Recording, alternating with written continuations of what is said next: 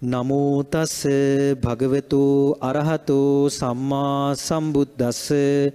නමෝතස්ස භගවතු අරහතු සම්මා සම්බුද්දස්ස. නමෝතස්ස භගවතු අරහතු සම්මා සම්බුද්දස්ස. බුද්ධං සරණංගච්චහාමි බුද්ධං සරණං ගච්ඡාමි දම්මං සරණංගච්චහාමි ධම්මං සරණං ගච්ඡාමි සංගං සරණංගච්චහාමි සංඝං සරණං ගච්ඡාමි දුතියම්පි බුද්ධං සරණංගච්චහාමි ဒ ුතියම්පි බුද්ධං සරණං ගච්ඡාමි දුතියම්පි දම්මං සරණංගච්චහාමි ဒ ුතියම්පි ධම්මං සරණං ගච්ඡාමි දුතියම්පි සංගං සරණංගච්චහාමි ဒ ුතියම්පි සංඝං සරණං ගච්ඡාමි තතියම්පි බුද්ධං සරණංගච්චහාමි තතියම්පි බුද්ධං සරණං ගච්ඡාමි තතියම්පි දම්මං සරණංගච්චහාමි තතියම්පි ධම්මං සරණං ගච්ඡාමි තතියම්පි සංගං සරණංගච්චහාමි තතියම්පි සංඝං සරණං ගච්ඡාමි සරනාගමනං සම්පන්නං ආම භන්තේ පානාති පාතාවේරමනී සික්කා පදං සමාධයාමි පානාතිපාතා වේරමණී සික්ඛාපදං සමාදියාමි। අදින්නාදානාවේරමනී සික්කා පදං සමාධයාමි අදින්නාදානා වේරමණී සික්ඛාපදං සමාදියාමි। කාමේසු මිච්චාචාරාවේරමනී සික්කා පදං සමාධයාමි කාමේසු මිච්ඡාචාරා වේරමණී සික්ඛාපදං සමාදියාමි මුසාවාදාවේරමනී සික්කා පදං සමාධයාමි මුසාවාදා වේරමණී සික්ඛාපදං සමාදියාමි රාමේර මජ්්‍ය පමාදට්ටානාවේරමනී සික්කා පදං සමාධයාමි සුරාමේරය මජ්ජපමාදට්ඨානා වේරමණී සික්ඛාපදං සමාදියාමි. තිසරණේන සද්ධින් පංච සීලං දම්මං සාධකං සුරක්කිතං කත්වා අපමාදේන සම්පාදේ තබ්බං. ආම භන්තේ සාදු සාදු සාදු. සමන්තා චක්කවාලේසු අත්‍රාගච්චන්තු දේවතා සද්දම්මං නිරාජස්ස සුනන්තු සග්ග මොක්කදං දම්මස්සවන කාලෝ අයං භදන්තා දම්මස්සවන කාලෝ අයං භදන්තා දම්මස්සවන කාලෝ අයං භදන්තා සාදු සාදු සාදු. නමෝතස්ස භගවතු අරහතු සම්මා සම්බුද්ධස්ස නමෝතස්ස භගවතු අරහතු සම්මා සම්බුද්ධස්ස නමෝතස්ස භගවතු අරහතු සම්මා සම්බුද්ධස්ස සාදු සාදු සාදු.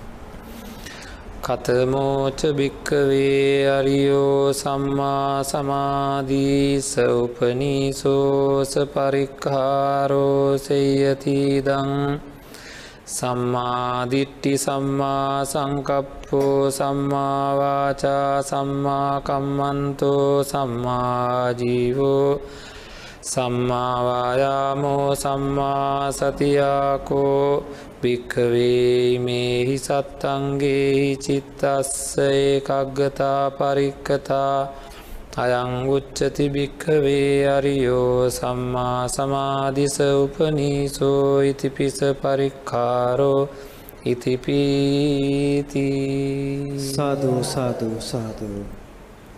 සදාබුද්ධි සම්පන් පින්නත්නේ සම්මා සම්බුදුරජාණන් වහන්සේ දේශනා කරපු ආකාරයට අපේ ජීවිතය සකස් කරගණ්ඩ හැම දේටම මුල්වෙන අපේ මනසිකාරය නිවැරදි කරගණ්ඩ අවශ්‍ය කරන මාර්ගය පහදලා දෙන.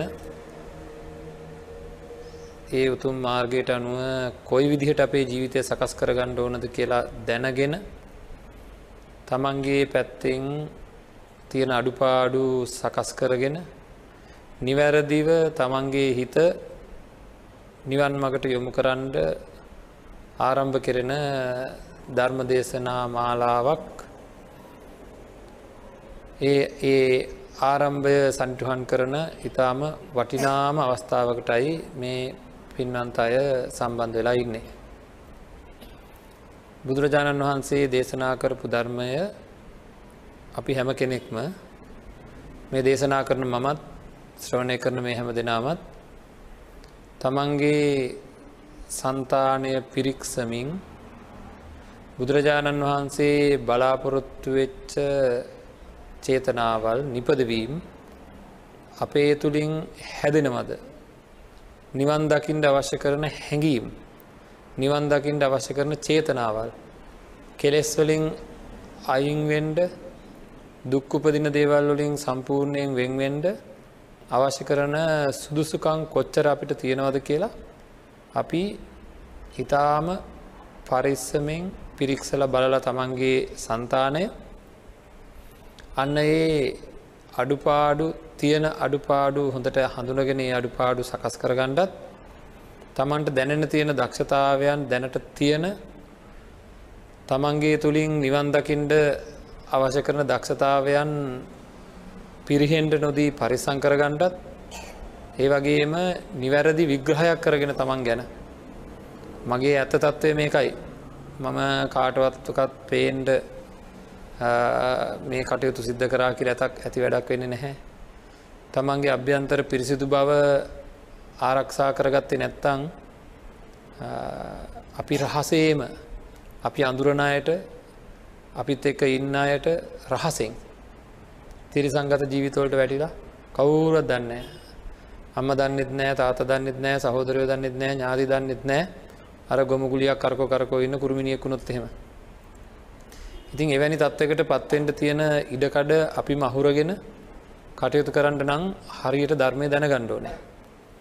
එහින්දා බෞද්ධයා මාධ්‍යජාලය ඉතාමත්ම ප්‍රඥා ගෝචර වැඩසටහනක් තමයි මේ ආරම්භ කරන්නේ. මේ පිළිබඳ පුංචි මතක් කිරීමක් කළ යුතුවම තියෙන ආරම්භක වැඩසටහන හින්දා. පැයකින් කරන ධර්ම දේශනාවකදී මේසා විශාල කාරණාවක් සිද්ධ කරන්න බැරිහින්දා මේ ධර්ම දේශනාවක් ධර්ම දේශනා මාලාවක් විදිර සකස් වෙන්නෙම පුරුකෙන් පුරුක පුරුකෙන් පුරුක බැඳින්ඩ ඕන හිද ධර්ම දේශනාවල් ඒක හින්දා එක තැනකින් පටන් අරගෙන අපි අපේ තියෙන අඩුපාඩු ප්‍රායෝගිකව හඳුනගෙන. කොයි විදිහටද අපි ඉන්න තැනේ ඉඳලා. අපි අද දවසේ මගේ සන්තානයේ මට අයිතියක් නැතුවම ඇතිවෙන සිතුවිලි වලින්. කොහොමද මම ගැලවෙන්නේ කියලා ඒ ඒ කෙනා දැනට ඉන්න තැනේ ඉඳලා වර්ධනය කර තමන්ගේ දක්ෂතා වර්ධනය කරගණ්ඩ කරන්න ඕන දේ ප්‍රායෝගිකව සාකච්ඡා කරන ධර්ම දේශනා මාලාවක් තමයි නිර්වාණ මග ධර්ම දේශනා මාලාව කියල කියන්න. නිවන් මග කියන්නේ ආර්යෂ්ටායක මාර්ගයමයි වෙන මොකක්වත් නෙවේ.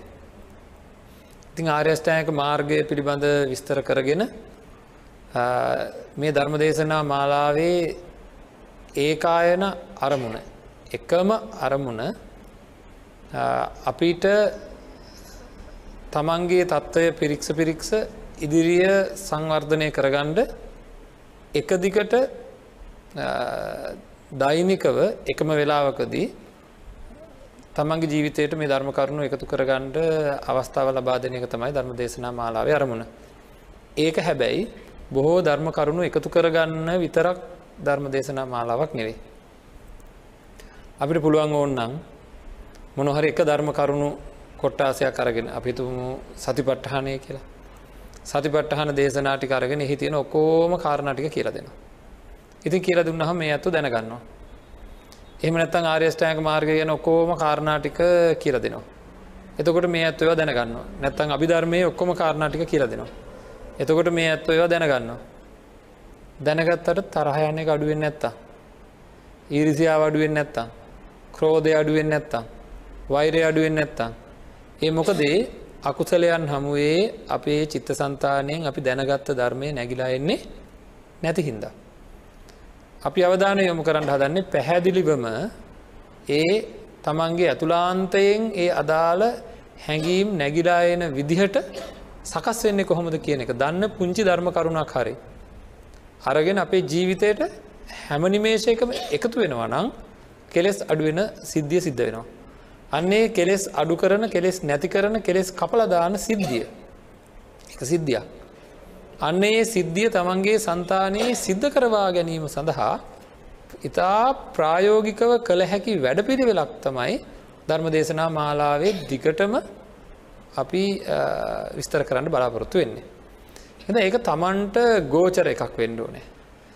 ඒක තමන්ගේ සන්තානගත වැඩ පිළිවෙලාත් එක්ක හඳුන ගණඩ පුළුවන්කම තියෙන්ටුවන අපි ඔක්කොටම. එක ඒකට කියනවා තමන් තුළින් තේරුම් ගණ්ඩෝනය කියලා. ධර්ම ශ්‍රවණය කිරීමේදී හැම් වෙලේම අත්ත පටිසංවේදීව ධම්ම පටිසංවේදීව ධර්මය ශ්‍රවණය කරන්න ඕනේ. එතකොට අර්ථ පටිසංවේදීව ඒ ධර්මය අර්ථය අපි හොඳට දැන ගණ්ඩෝන. සියලු ධර්මය කියලා කියන්නේ මොකක්වත් නෙවේ දැන් නිවන් දකිනවා කියන එක සිද්ධ වෙන්නේ කොහෙද. නිවන් දකිනවා කියන්නේ මාර්ග හිතක් උපදිනවා කියන්නේ මාර්ග සමාධයක් උපදිනවා කියලා කියන්නේ ඒක කොහෙද සිද්ධ වෙන්නේ. අපේ චිත්ත සන්තානගත වැඩපිළිවෙලක උපදින උල්පතකින් වතුර උපදිනවා වගේ උඩට සන්තානගත වැඩපිළිවෙලේ උපදින එක්තරා සිතුවිල්ලක එක. ප්‍රහාණ චිත්තයක් ප්‍රහාණය මූලික කරගෙන අංග අටම එකවැර මිශ්‍ර වෙලා හේතු වෙලා අපේ හිතෙන් උපදින්ටෝනෑ. එතකොට අන්න ඒ වගේ වැඩපිළිවෙලක් කොහොමද සිද්ධ කරගන්න. එක නිවන් දැකීම කියන්නේ හිතෙන් සිද්ධ වෙන දෙයක්. එන නිවන්දකිට බාධා වෙන කාරණත් සිද්ධ වෙන්නේ අපේ සිතේමයි. නිවන්දකින්ට අපේ හිත පෙළ ගැහෙන්ඩෝනෑ. ඒක පෙළ ගැහෙනවා නං අමුතුවෙන් නොදන්න වෙලාවක නොදන්න විදිහට අපි දන්නම නැතුව එක සිද්ධ වෙයිද නෑ ඒ අපි දැනගෙන සිද්ධ වෙන දෙයක් නේද ආතාපි සම්පජානෝ සතිමා සිහියෙන් නුවනින් වීරයෙන් කියලා වචන තුනක් තියෙන සතිපට්ටන් දේශන හැමතනම්. එහෙනම් මේ අපි දැනගෙන කරන වැඩ මගේ තරම කොච්චරද කියලා අපිට අපේ තුළින්ම තේරුම් ගන්න පුළුවන්කමත් තියෙනවා. අන්න ඒ තරම තේරුම්ගෙන ඉදිරියට දැනගෙන යන වැඩ පිළිවෙලක් එනම් ආර්යෂ්ඨාක මාර්ග උපදින්නේ හිතේ නම් අපි දැනගෙනමයි මේක කරන්න ඕනේ. එහෙනම් මේ එහෙම නං අන්න ඒ දැනගෙන ඉදිරියට යෑම සඳහායි මඟ පෙන්වීම සිද්ධ වෙන්ඩ ඕනේ. ඉතින් අපේ බලාපොරොත්තුව තියෙන්නේ හැම වෙලේම අපේ අඩුපාඩු සකස් කරගෙන තමන්ගේ තුළින් තේරුම් ගනිමින් යන්ඩ. දැන් අපි තමන්ගේ තුළින් තේරුම් ගන්නකොට පුංචි පුංචි තාම පුංචි උදාහරණයකින් තේරුම් ගණඩ බලමු ඔය ධර්ම දේශනා මාලාව අතරවාරය මම සැරෙන් සැරේ සැරෙන් සැරේ මේ ඉදිරියේ ඉන්න ධර්මශ්‍රවනය කරන පින්වන්ත අයගෙන් පුංචි ප්‍රශ්නයක් අහනවා මේ ධර්ම දෙසනා මාලාවම සැරෙන් සැර මේ ප්‍රශ්නය හෙනවා. එතකොට මාධ්‍ය හරහා අපිත් එක සම්බන්ධලා ඉන්න ඇත්ත තමන්ගේ හිතේ මේකට උත්තරයක් දෙන්න පුළුවන්. ඔන්න මම අහනවා සැරෙන් සැරේ මේ මං මේ කියන දේ ඇත්තද මම දැම්මන යමක් කිවන එක ඇත්තද කියලා මංහනවා. එතකොට ඔය පැත්තෙන් ලැබෙන්ඩුව උත්තරේ තමයි ඔවු කියලා ඔවු ඇත්තයි කියලා. මං අහනවා මම කියන හින්දද කියන්නේ කියලා. මං කියන හින්ද දෙක ඇත්තැකිව කියලා. තමන්ගේ තුළින් මේක එකතුනා නං අන්න එතකොට කියවෙන්නේ නෑ ඔබහන්සේ කිව හිද නෙවෙයි කියලා ආන්ගේ වචන කියවෙන්ඩ ඕනෑ. හැමවෙලේම අපි දැන් එක ධර්ම කරුණක් හරි සාකච්ඡා කළ මං හල බලන්න ඔය වචන කියවෙන්ට මොකද නෑ නෑ නෑ ඔබහන්සේ කියන හිද නෙවෙයි. ඇයි එහම ප්‍රත්‍යක්ෂ වසයම කියන නෑ ඔබහන්සේ කියන හිද නෙවෙයි කියලා කියනවන. නෙවෙයි මට තේරෙනවා ඒක කරොත් ඒක වෙනවාමයි කියලා. ඔය පැත්තෙන් ඒ උත්තරය හම්බෙනවා නෑ මට තේරෙනවා තේරෙන හිදයි. ආං එහෙනම් කාගේ පැත්තෙන් දැනිලද කියන්නේ. අපි ගනිත ගැටලුවක් විසඳනකොට ඒ ගනිත ගැටලුවේදිනම් කියන තර්කයට අහුවෙන හිද. මේක තර්කයට අහුවෙන්නේ නෑ අතක්කාවචරයි ධර්මය එක එක තර්කයට අහුවෙන එක නෙවේ. ඒක හින්දා අපිට පුළුවන් වෙන්නුවන හැම වෙලේම ධර්ම කරුණක් අපේ ජීවිතයට එකතු වෙනකොට කොහොමද ඒක මගේ පැත්තෙන් තේරෙලයි මම මේ කියන්නේ කියලා කියවෙන්න ඕනෑ. ඉළඟට මං අහනවා හාදැන් ඕක කරොත් මේක වෙනවද එතකොට. ඕක කරොත් මේක වෙනවද කියලා මං අහනවා. එතකොට පැත්තිෙන් නොව වෙනවා මයි කියලා. මං අහනවා කරලාද කියන්නේ. කරලද කියන්නේ කියලහනවා. එතකොට කියනවා නෑ තාම නෑ. කරන්ඩ කලින් කියන්න පුළුවන් වෙන්ඩ ඕනේ. වෙන කෙනෙක් කියන හිද මේ මේ කිප කාරණා දෙකෙන් ගම්ම වෙන්නේ ධර්ම දේශනා මාලාවම තිබියයුතු ලක්ෂණයක්. අපි භාවනාවක් කියර දෙනවා කියන්නක. එහෙමනොත් එහෙම වෙන කවුරුවත් කියන හින්ද නෙවෙයි මම මේක පිළිගන්නේ. වෙන කවුරුවත් කියන හින්ද නෙවෙයි මම මේක පිළිගන්නේ කියන අදහස ශ්‍රාවකයා තුළ ගම්ම වෙන්ඩ ඕනෑ. වෙන කවරුවත් කියන දනවේ ම පිළිගන්න එක මට තේරෙනවා. කරන්ඩ කලින් මට දැනෙනවා. හරි. තමන් තුළින් දකිනව නං තමන් තුළින් තේරුම්ගෙන ධර්මයහනවා නං වෙන කවරුවත් කියන හින්දා නෙවෙයි.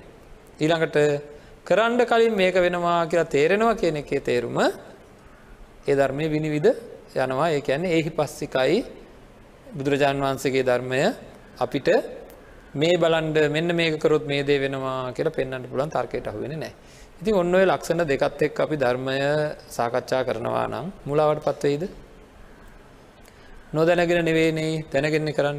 එනම් මුලාවට පත්වෙන්නේ නෑ ඔන්න ඔය ලක්ෂණත් එක්ක මයි දිරිට අන්ඩුවන අපි නැත්තම් කොච්චර ධර්ම කරුණු කතා කරත් කොච්චර ධර්ම කරුණු අපේ ජීවිතයට අපි දැනගත්තත් නේද? දැනගෙන කාඩහරි කියලා දෙන්න පුළුවන් විදිර කටපාඩන් කරගත්තත් ඒව නරක දෙහෙම කරන එක? නෑ ගොඩාක් හොඳයි. එහෙම කරන එක. නමුත් එපමණකින් නිවන් දකිට පුළන්කමක් ඇත්තේ නෑ. ආර්යෂ්ඨයක මාර්ගය අපේ තුළ උත්පාදනය වෙන්නේ කොහොමද කියලා අපි ප්‍රායෝගිකව සාකච්ඡා කරන්න වුවමනාවම තියෙනවා. එහෙනම් මේ ධර්මදේශනා මාලාව තුළ ප්‍රායෝගිකත්වය ඉහළ තලයක අපි රඳවා ගණ්ඩ ඕනෑ. මමත් ඒක පිළිබඳ වගකීමෙන් කටයුතු කරනවා මේ ඇත්තොත් ඒ පිළිබඳ අවශ්‍ය නං මේක ප්‍රායෝගික තලයක රඳවාගන්නවාය කියලා ස්වාමින් වහන්සේත් කලින්ම මතක් කරා නමුත් ඒක එහෙම වෙන්න නෑනෙ දැන් දැන් එක නිකම්ම මේ ධර්ම දේශනාවක් විතරයි එක නිකම්ම කරුණු ටිකක් විතරයි කියලා මේ ඇත්තන්ට මේ ආයතනයට යෝජනා කරන්න පුළුවන් අර කලින් අපි බලාපොරොත්තු වෙච්චදේ නෙවේ ධර්ම දේශනා මාලාව තියෙන කියලා. ප්‍රායෝගිකව තමන් අපේ ජීවිතයට එකතුවෙන්ට ඕනෑ. අපේ ප්‍රශ්නය විසඳෙන්ට ඕනෑ. ඉතින් එහෙම ඉතාම උතුම් අරමුණකින් කරන ධර්ම දේශනා මාලාවේ ඉතාම වාසනාවන්ත පිරිසක් මේ ඉදිරියේ ඉන්නේ ඒමකොද පළවෙනි දායකත්වය මහා ධර්ම දෙසනා මාලාවක පළවෙනි දායකත්වය මේ ඇත්තෝ අරගෙන කටයුතු කරන අපි ආශිර්වාද කරනවා ඉතාමත්ම මේ හැම දෙනාටම මේ ධර්ම දේශනා මාලාව ආරම්භක දායකත්වය ලබාගත් හැම දෙනාටම ඉතාම කෙටි කාලයකින් තමන්ගේ ජීවිතය නිර්වාණ මාර්ගයේ යොදවා ගණ්ඩ අවශ්‍ය කරන ශක්ති දහිර ලැබේවා කියල ප්‍රාර්ථනා කරනවා. ඒ වගේම පින්නත්න අද දවස අපි සාකච්ඡා කරන්න හදන්න අපේ හිතේ තියෙන එක්තරා ස්වභාවයක් ගැන. අපි හැමෝම කියනවා මන් නිවන් දකිින්ඩෝ නෑ නිවන් දකිින්ඩෝ නෑ නිවන් දකිින්ඩෝ නෑ කියලා කියනවා. ඉළඟට මොනවා මොනහරි කර කර ප්‍රාර්ථනාත් කරනවා. ධර්ම දේශනාවක් කියවරලත් ප්‍රාර්ථනා කරන වෙලාවකට මේ නිවන් දකිත්වා කියලා අනිත් අය වෙනුවෙන් ප්‍රාර්ථනා කරනවා. වෙයිද දන්නේ. නිර්වාණ ශාන්තිය කියලා කියන්නේ ශාක්ෂාත් කළ ගත යුතු දෙයක්. ඒ ඇන මොකක්ද තමන් තුළින් ඇතිකර ගත යුතු දෙයක්. ඒ නිවන්දකින මාර්ගය කියලා කියන්නේ සංකත එහෙම නැත්තං හේතු ඇතුව සකස් වෙන එකක්ද ඉබේ පහළ වෙන එකක්ද. මාර්ගය මාර්ගය කියලා කියන්නේ හේතු ඇතුව. ගින්දර පත්තුවෙන්ට නං දරතියෙන්ඩෝ නෑ උස්නත්වය තියෙන්ඩෝ නෑ නේද වාතය තියෙන්ට ඕන ඒ වගේ සාධක තියෙනවා. ඒ සාධක තියෙන වෙලාවක මයි ඒ සාධක තියෙන වෙලාවක නැතන් හේතු තියෙන වෙලාවක මයි ගින්දර පත්වෙන්න. අන්නේ වගේ හේතු එකතු වෙලා හැදෙන මාර්ගයක් නං හේතු නැතුව හැදෙයිද එහෙනම් අපි ඉබේ බලාගෙන හිටියට කවදාක්වත් නිවන් දකින්නේ නෑ කවදාක්වත් නිවන් දකින්නේ නෑ. එහෙනම් අපේ හිතේ ස්වභාවය ගැන අපි යම් කිසි ප්‍රමාණයකට දැනගණ්ඩෝ නෑ අපි යායුතු ඉලක්කය මොකක්ද කියලා අපි යම්කිසි ප්‍රමාණයකට දැනගණ්ඩ ඕනේ. දැනගෙන කිරීම බුද්ධ ධර්මය තියෙන බුදුරජාණන් වහන්සේගේ ධර්මය තියෙන වටිනම අපිට ලැබිච්ච මහා අනර්ගතම වටිනම වචනයේ පරිසමාප්ත අර්ථයෙන්ම ඉතාම විශාල පහසුවක් අපිට දැනෙන දෙයක් තමයි මේ දැනගෙන කරන්න පුළුවන්කම. දැම් බලමු අපේ හිතේ කවදාහරි දවසක මාර්ග සමාධිය උපදින්ට ඕනේ. හරි අන්න ඒ මාර්ග සමාධිය උපදින්නේ කොයි වෙලාද මාර්ග හිතක් පහළ වෙන වෙලාවේ. සංසාර ජීවිතයේ අපිට ලැබෙන වටිනම සිත තමයි ඒ පළවෙනි වතාවට මාර්ග හිතක් පහළ වෙච්ච වෙලාවේ උපදින්නේ සෝවාන් මාර්ග හිතයි. එතකොට සෝවාන් මාර්ග හිත අපේ තුළින් උත්පාදනය කරගන්ට ඒ මාර්ග හිතයේ එකතු වෙලා තියෙන අනිත් අංගයන් මොනවද කියල බලන්ඩෝනේ. මාර්ග හිතත් එක්ක උපදින පළවෙනි දේ තමයි මාර්ග සමාධිය කියලා කියන එක. හරිද එකට කෙනවා සම්මා සමාධිය කියලා ඒ සම්මා සමාධිය ඒ ඒ සමාධිය අපේ තුළ උපදින්ඩ ඒකට එවැනි තත්වකට පත්වෙන් අපි මොකක්ද කරන්න ඕනෑ කියලා අපිට යම් කිසි ආකාරයක දැනීමක් තියෙන්ඩ ඕනෑ එකද අපි ඒ ගැන පොඩ්ඩක් සාකච්ඡා කරමු. ඒක තේරුම් ගණ්ඩ නං අපි දැනට තියෙන අපේ තත්ත්වය මොකක්ද කියලා බලමු අපේ හිතක සිතුවිලි පහළ වෙන්නේ කොහොමද කියලා. මම මේ ඇත්තන්ට කියනවා විනාඩි පහක් කිසිම ලෝභ දේශ මෝහ කියලා කියන අකුසල මාත්‍රයකටවත් යන්නේ නැතිව හිත පොඩ්ඩක් තියාගෙනට කියලා කුසලයේම මංකෙන ඇස් දෙක පියාගෙන හෙනම් කුසලේ හිත පොඩ්ඩක් තියාගින්ඩ කියලා මොනොවේද මගෙන් කිසිම අවසරයක් නැතුව මංගත්ත අධිෂ්ඨානයක් දැම අධිෂ්ට අපට අධිෂ්ඨානයක් ගන්නන හෙම කරන්නේ ඉන්ටක්ම විනාඩි පහක් කුසලේම හිතතියාගෙන ඉන්නවා කුසල හැඟීමකම ඉන්නවා කියලා මං මේක නවත්තන්ට හදනවා. නවත්තන්ට කියල මන්දැන් ඇස්පියාගෙන හනගේ වැඩ අපි පරීක්ෂණයක් විදිර කරමුකෝ කියලා කිවොත්න් එහෙමම තියේද. කුසල හැඟීමකම තියේද. මගෙන් කිසිම අවසරයක් නැතුව. මට කිසිම දැනුන්දීමක් නැතුව මෙයා මොකද කරන්න. ලෝබදේශමෝහ සහිත ස්ථානවලට පයිනවද නැද්ද පයිනෝ. පශ්චත්තාප තිනවන ඒ තැන්වලට පයිනවද නැද්ද. පැනලා එතන läග läග ඉන්නවද නැද්ද. නේද. ඒක මගෙන් මගේ කැමැත්තකින් වෙන දෙයක්ද. මට ඒවෙලාම කැමති නෑකට සමහලට ගොඩා තරහගිය දෙයක් වෙන්න පුළුවන් කලකිරිමත්වයෙන් දෙයක් වෙන්න පුළුවන් සැප සැපයක් ඇති වෙන තැනක් වෙන්න පුළුවන්. නේද. එතකොට අන්න ඒ එන්න ඒ පැනිල්ල. ඒකත් එක්ක උපදින ඇලීමක් හෝ ගැටීමක් හෝ මුලාවක් සහිත ඊරිසියා ක්‍රෝධ වෛර මාන්න වගේ යම් කිසි තැනකට අපිව ගිහින් වැටලා ඉන්නවා දැ අන්න ඒක සිද්ධ වෙන්නේ කොහොමද? ඒක මගේ අවසරයකින්ද? නෑ එතකොට ඒ වගේ තත්ත්වය තියෙනකං නිවන් දකිනවද නෑ. සමාධයක් වැඩෙනවද? නෑ. නේද? එන එතන තියෙන්නේ එක්තරා සිද්ධියක්.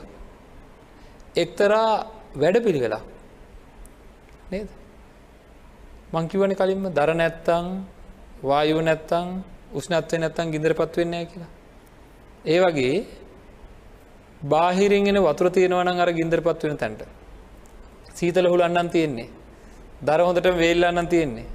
මොන තරන් අපි දැඟලුවත් ගින්දර පත්වෙන්න ඒ වේලනකම් දර හොඳටම තෙතරනන් තියන්නේ. ඒ වගේ මේ හිතයේ මාර්ග සමාධියට ආහාර වෙන හේතු වෙන දේවල් මේ හිතට ගොුණු වෙන තුරු නිවන් දකින්න මිස්ත්‍ර වෙන තුරු නිවන් දකින්න එහෙනම් මේක තවටිය අපි තේරුම් මේ දුවන දිවිල්ල මොකද මේ දුවන්නේ? කොහෙද මේ දුවන්නේ? කොහොමද දුවන්නේ?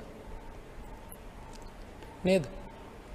ඔන බලන මේ අපි තේරුම් ගණ්ඩෝ නෑ අපේ හිතේ ක්‍රියාකාරිත්වය යම් ප්‍රමණකට දැනගත්තොත් අපිට මේ මාර්ග සමාධිය කියන ගැඹුරු කාරණාව පොඩ්ඩ තේරුම් ගන්න පුළුවන්ගේ.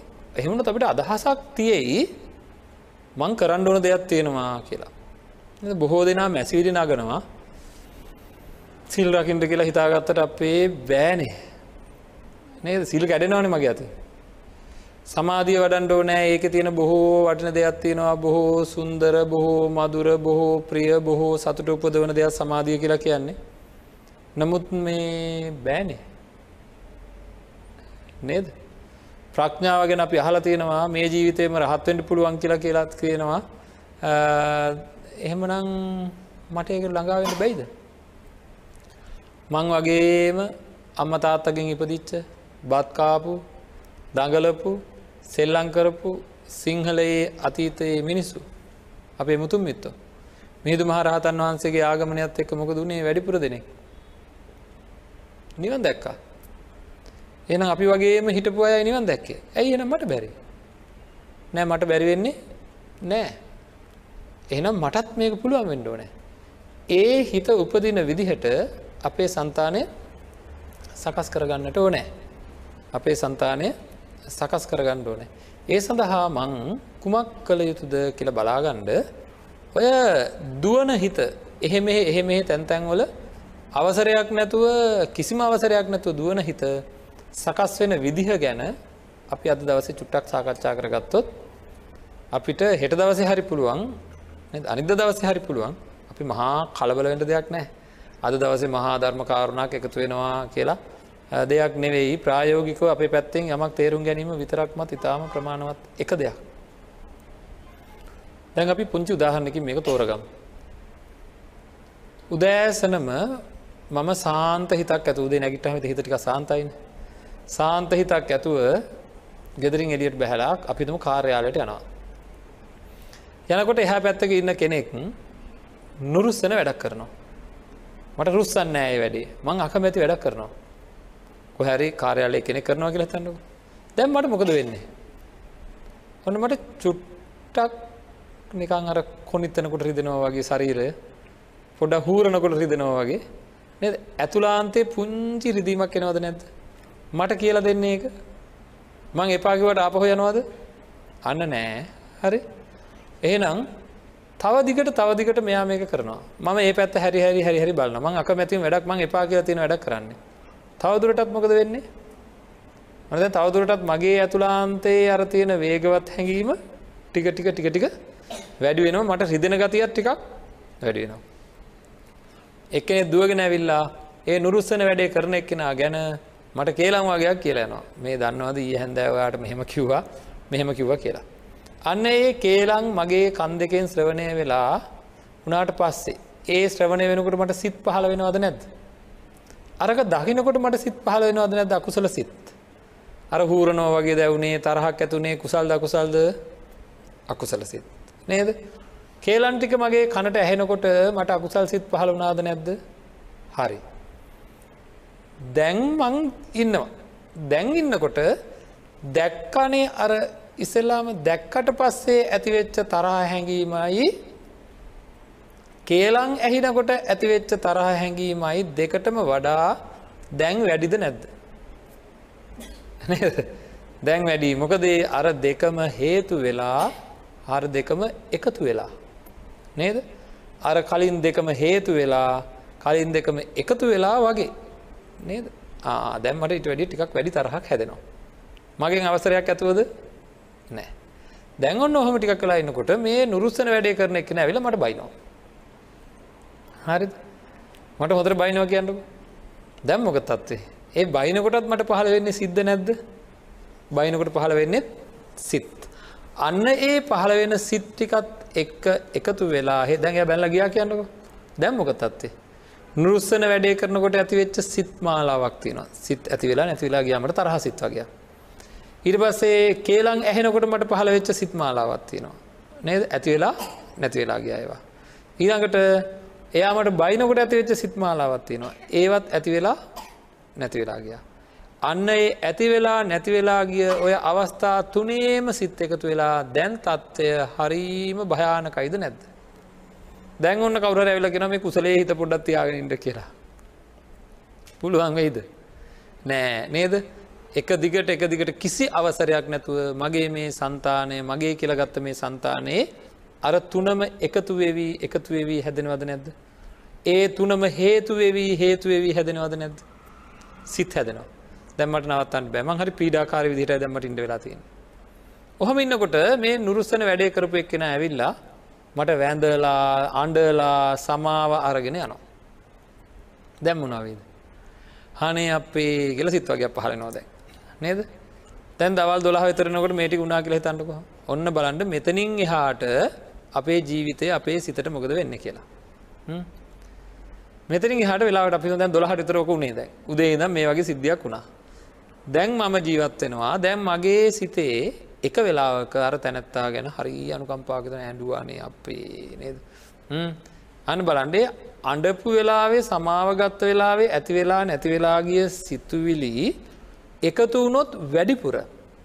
හේතු වුණොත් වැඩිපුර මේ වෙලාවේ සිත හටගණ්ඩ මට එන්න අනුකම්පාවා හරි බලන් ප්‍රයෝගිකද නැද්ද කියලම එක මට දැන් අනුකම්පාවෙන් ඉන්නවා මං එක පාට මටතනවා එක අතකින් වැන්දට මේ සමාව ගත්තට ඊට කලින් මටර කියපු එව්වා කියලා අන්න ඒවා වැඩිපුර මතක් වුණොත්.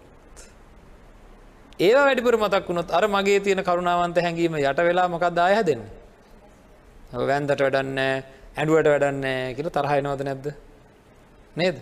අර්දැමන් තැන්තුන හතරක් වන එක සිද්ධි වගේක් වෙච තැන්තුන හතර අන්න ඒ සිතුවිලි හේතුවේවී එකතුවේවී හේතුවේවී එකතුවේවී අර සමාවගත්ත වෙලා ඇතිවෙච්ච සිතුවිලි වැඩියෙන් එකතු වෙලා වැඩියෙන් හේතු වෙලා දැන් එකක් හැදෙනවා නම් මට එන්න කරුණාවන්ත සිතුවිල්ලා සමාව සහිත සිතුවිල්ලා අඩපු වෙලාවේ.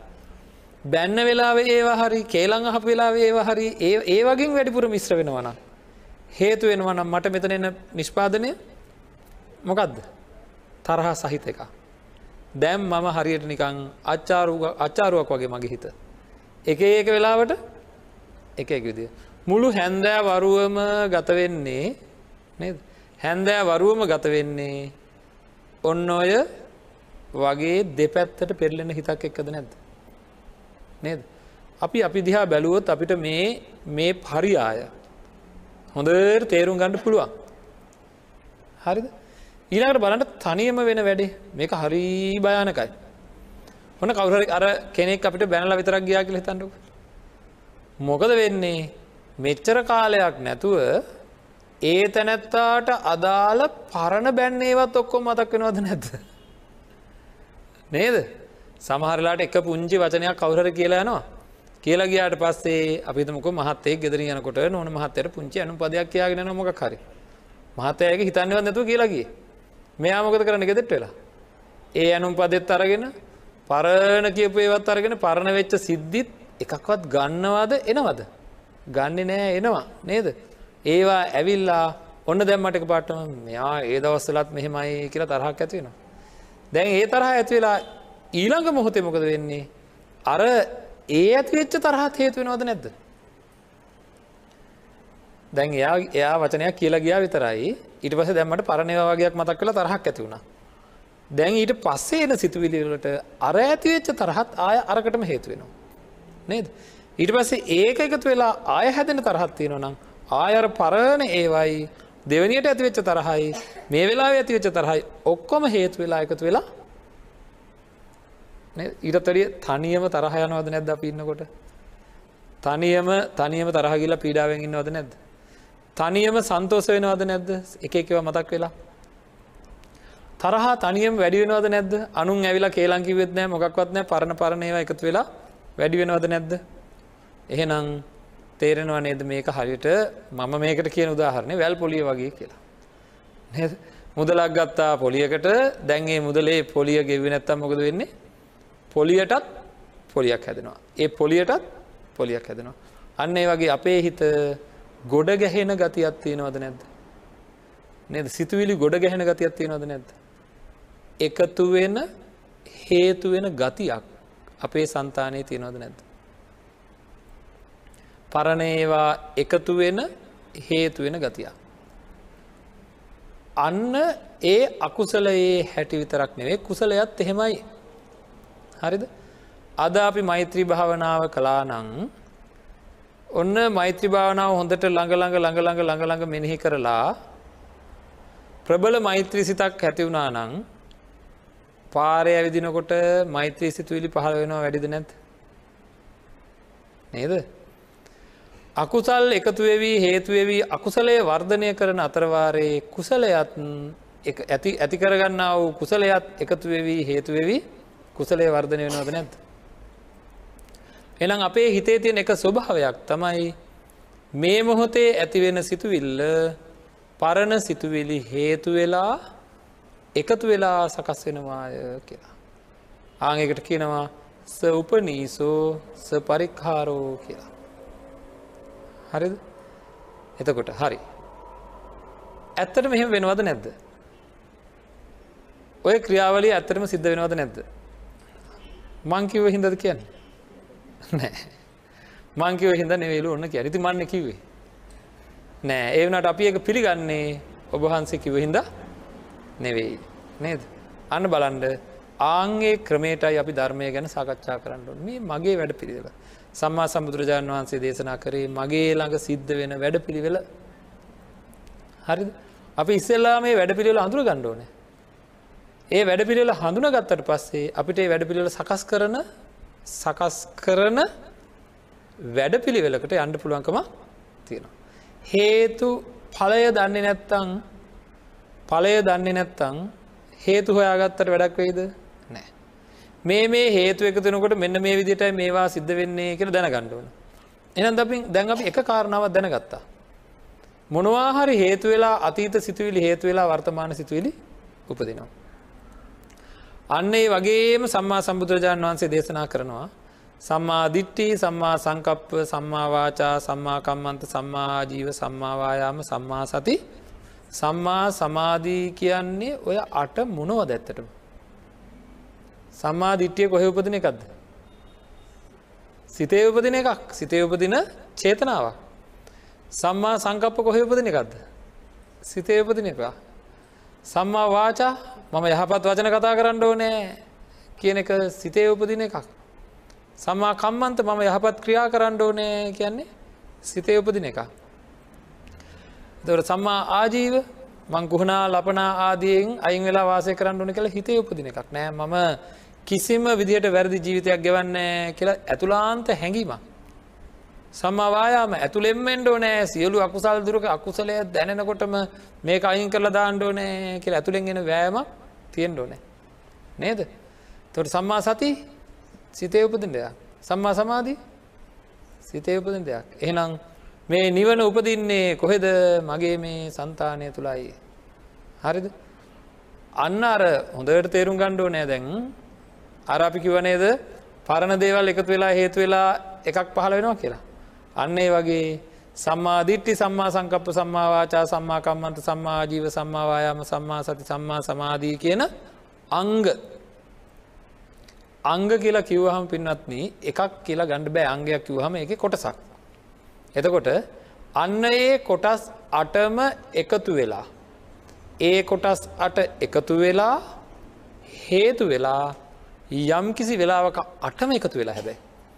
අටම එකතු වෙලා අටම හේතු වෙලා යම් කිසි වෙලාවක සිතක් පහළ වුණොත් අන්න ඒකට කියනවා මාර්ග සිතක් කිය. හරිද. එනම් අංග අට අපේ ළඟ හැදෙන්ඩ ඕනද නැද්ද හැදෙන්ඩෝ නෑ හරිද දැම් මම එහෙම කියනවා. සමහර වෙලාවට අපි හිතමු ප්‍රශ්න පත්තරයකට උත්තර ලියනවා කියලා. ප්‍රශ්න පත්තරයකට උත්තර ලියනකොට දැන් එයාට භාසාාව පිළිබඳ දැන් අපේ ප්‍රශ්නය කියවනවා. ප්‍රශ්නය කියවන්ට භාසා දැනීම හිතෙන් නැගිලෙන්ට ඕනද නැද්ද. හරි ඒ භාසා දැනීමත් එක්කම ප්‍රශ්න තේරෙන්ට ඕනද සංඥායෙන්ට ඕනද නැද්ද තේරෙන්ට ඕන. ඒකත් එක්කම උත්තරෙත් එන්ඩ ඕනද නැද්ද. නේද. සමහර කෙනෙකුට පාඩංකරපු එකේ උපරිමය මතක් වෙන්ට පුළුවන් සමහර කෙනෙකුට භාගයක් මතක් වෙන්ට පුළුවන්. නේද. දැන් සිංහල බාස හොඳ ටිගෙන ඉංග්‍රිසි බාස ටිකක් ඉගෙනගෙන තියෙන කෙනෙකුට ඉංග්‍රිසි බාස හොඳ ටිගෙනගෙන තියෙන කෙනෙ තරම්ම ප්‍රබලව අර වචන තේරුම එන්නේ නෑ. ඒ වගේ දැ ඒකයි ඒ විභාගකදී ප්‍රශ්නකට උත්තරයක් ලියන්ට එකම විදිහට ඉගෙනගත්ත කට්ටිය දැම්මත් එක එක්කෙනාට එක එක්කෙනාට ඒ වෙලාවේ ඇතිවෙන උත්තරේ කියන්නේ සිතුවිල්ලක් එකනයා ලියන්නේ නේද. අන්නේ එක එක්කෙනට එක එක්කෙනට ඒ වෙලාවේ ඇතිවෙන සිත වෙනස්ද නැද්ද. ඒ වෙනස්වෙන්ට හේතුවෙන්නේ ඒ කෙනාට මතක් වෙච්ච ප්‍රමාණයේ තරම අනුව නේද. අන්න. එහෙනම් සම්මා සංකප්ප කියලා කියන්නේ මොනවද නෙක්කම්ම අපි එක උදාහරණයක් ගමකු නෙක්කම්ම අව්‍යාපාද අවිහිංසා. නෙක්කම්ම සංකල්පනාව. නැතන් අපි ගම අව්‍යාපාද කියන මෛත්‍රියනේ. මෛත්‍රී සංකල්පනාව ගත්තොත් එක වචනද? ඔන්න තව තේරුම් ගණ්ඩුවන දෙයක්. මෙතැද අපි දැම්මේ පලනි දවසම තේරුම් ගණඩුවන එතකොට මට මේ සංකල්පටි අපි හදාගත්ත හම අපිට මේ ධර්ම දේශන මාලාවෙද ම කියන්න යාම පලවෙන් ධර්ම දේශනද මට කියල දුන්නා. කියලා. හරි? මෙන්න මෙහෙම හිතන්න. දහ දෙනෙක් එකතු කරලා අපි මෛත්‍රී භාවනාව කියලා දෙනවා හැබැ මේ දහ දෙනා බාසා දහයත් දන්න අය. හරි ඉතින් සිංහල එක්නට සිංහලෙන් කියනවා ඉංග්‍රිසි එක්නට ඉංග්‍රිසින් කියනවා ද්‍රවිඩ එක්නට ද්‍රවිඩ භාසාාවෙන් කියනවා තව වගේ භාසා දහයකින් කියල දෙනවා. දැන් දහ දෙනාම වටේට ඉදගෙන මේ කියලා දුන්න දේ කරගෙන යනවා. ද මෛත්‍රී භාවනාව කරන යාලර යාලරම කියල දුන්නේ බාසා දහයකින්. දහ දෙනාම තුළ උපදින්නේ එකම හැඟීමකට අදාළ හැඟීම්ද නැද්ද. වචනවලින් වෙන යුදිහකට අපි කියල දුන්නට අන්තිමට දහ දෙනා එක තැනකට වැටන මොකක් දයාලා කොටෝම තියෙන මෛත්‍රී චේතනාව. මෛත්‍රී චේතනාවට භාසාවත්තිය නොද. භාසාවත්තිය නොද. ප්‍රීතිය කියන්න පුළුවන්නම් ප්‍රීතිය සිංහලෙන් විස්තර කරන්න. ආදරය කියන්න මගේ හිතට දැනෙන ආදරය විස්තර කරන්න බලන්න කාටර පුළොඳ භාසාාවෙන් විස්තර කරන්න හැබැයි ඉංග්‍රීසි කෙනාටත් ද්‍රවිඩ කෙනාටත් සිංහල කෙනාටත් වෙන ඕනෑයම්ම ජාතියක කෙනාටත් කොනිත්තනකොට ශරීරයරි දෙනවාවාගේ මේ හිත හිතේ ඇති වෙන හැඟීම් කියන්නේ විශ්ව භාසාවද්ද නැද්ද. අපි ඔක්කොටෝම එකයි. සියලු ජාතිකයන්ට සියලු වර්ගවලට කාටත් හැඟීම් කියනෙ වන එකමයි. එනම් මෛත්‍රී හැඟීම ගැන මම චුට්ට කතා කරේ මෛත්‍රී හැඟීම එක එක්කෙනා එක එක්කෙනා තුළ හැදෙන්නේ කොහොමද දැන් දැන ගණ්ඩෝනෑ. පරණ එයා මෛත්‍රියයේ ඇතිකරගත්ත සිතුවිලි හේතු වෙලා එකතු වෙලා. නේද? ඔන්න කෙනෙක් වැඩියෙන් වැඩියෙන් අතීතයේදී මෛත්‍රී සිතුවිලි තිට්ටං චරං නිසින්නෝවා සයානෝවා සතරීරියව්වේදී භාවනා කරලා ඒ විදිය කරලා අතීතයා වැඩියෙන් වැඩියෙන් මෛත්‍රී සිතුවිලි ඇති වෙලා තියෙනවන යාගේ සන්තානය තුළ එයාට කෙනෙක් දකිනකොට කෙනෙක් බයිනකොට කෙනෙක් එක කටයුතු කරනකොට මෛත්‍රී හැඟීම අඩුද වැඩිද. මෛත්‍රී හැඟීම වැඩි. එතකොට මේ මොහොතේදී මෛත්‍රී හැඟීමක් ඇතිවුණා නං මේ මොහොතේදී මෛත්‍රී හැඟීමක් ඇතිවුණා නං අන්න ඒ ඇතිවෙන මෛත්‍රී හැඟීම ඊළඟ මොහොතට එකතු වෙනවද නැද්දාසරය. ආංහෙම එකතු වෙලා මොකද වෙන්න ඒකේ උපරිමයකට අන්ඩෝන නේද. අන්න ඒ උපරිමයට කියනවා මාර්ගංගයක් කියලා. දැන් අපි දැන් මෛත්‍රිය ඇතිවෙන පරිසරයක් මෙතන මම හැදුවොත්. එක අපිතමක තුවාල වෙලා ඉන්න කෙනෙක් ගෙන නැතම් දරුණු රෝගයක් හැදිලා ඉන්න දරුවෙක් මෙතට එක්කංාව කියලා. මෙතන අපි විස්සක් ඉන්නවා නම් ඒ විසි දෙනාට ඇතිවෙන එකම හැකීමද. සමහරයට ප්‍රබලයි සමහරයට අඩුයි නේද. අන්න බලන්ඩ අන්න එහෙනම් ඒ ඒ මාර්ගය මාර්ග සිත කියල මංකව අංගාටම එකතු වෙන්න ඕන කියලා. අංගාට කොච්චර වර්ධනය වෙච්චේවත් දන්න එකතු වෙන්න ඕන. එනම් මෛත්‍රිය මෛත්‍රී සිතුවිල්ල වර්ධනය වෙන්ඩ ඕන කොහොමද තක්කෝ විතක්කෝ අපපනා ව්‍යප්පනා චේතසෝ අභිනිරෝපනා ඔන්න විදියට සඳහන් කරලා තියෙන හිතේ මෛත්‍රිය උපරිමයක් කොට නැගෙන්ට අංග අටම මාර්ග අංග එකන් සම්මාධිට්ටි කියන එක පුංචි තැනකින් පොඩි සම්මාධිට්්‍යයක් වෙන්ටත් පුළුවන් ලොකු එකක් ඉහළම තලයකට එන්න පුළුවන්. සම්මා දිට්ටිය කියන කොටස වර්ධනය වී වර්ධනය වී ඉහළම තලයකට එන්ඩෝන.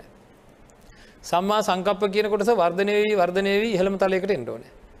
සම්මා වාචා සම්මාකම්මන්ත ආදී ඔය කොටස් අටම වර්ධනයවී වර්ධනයවී ඉහළම තලයකට එන්ඩෝන. ආන්ගේ උපරිම තලයකට වර්ධනය වුණහම ඒවටගෙන මාර්ගංග කියලා. ඒ අංගාට එකතු වෙලා එකතු නොත්තමයි මාර්ගහිතක් හැදෙන්. හරි පුංචීවක් හරි ඇති වෙන්ඩ ඇති. හරි තොට මේක අපි හොඳර දැනගණ්ඩුන මගේ සන්තානගත වැඩ පිළිවෙලක් මේක කියලා. මෙතර මොකාහරි ක්‍රමවේදයක් තියෙනවා. එහිද අපි මේ ධර්ම දේශනා මාලාවේ ඉස්සෙල්ලාම කරන්න ඔන්න ක්‍රමේ තේරුම් ගන්න එක. මගේ ළඟ කොහොද මාර්ගහිතක් උපදින්න මොකද කරන්න ඕනෑ කියලා. අන්න ඒ මූලික අවබෝධය අපේ තුළ තියාගෙන අපි අට පැත්තකින් වර්ධනය කරන විදි සාකච්ඡා කරනවා. හරි. ඒකතම අද මූලික ධර්ම දේශනාව අපි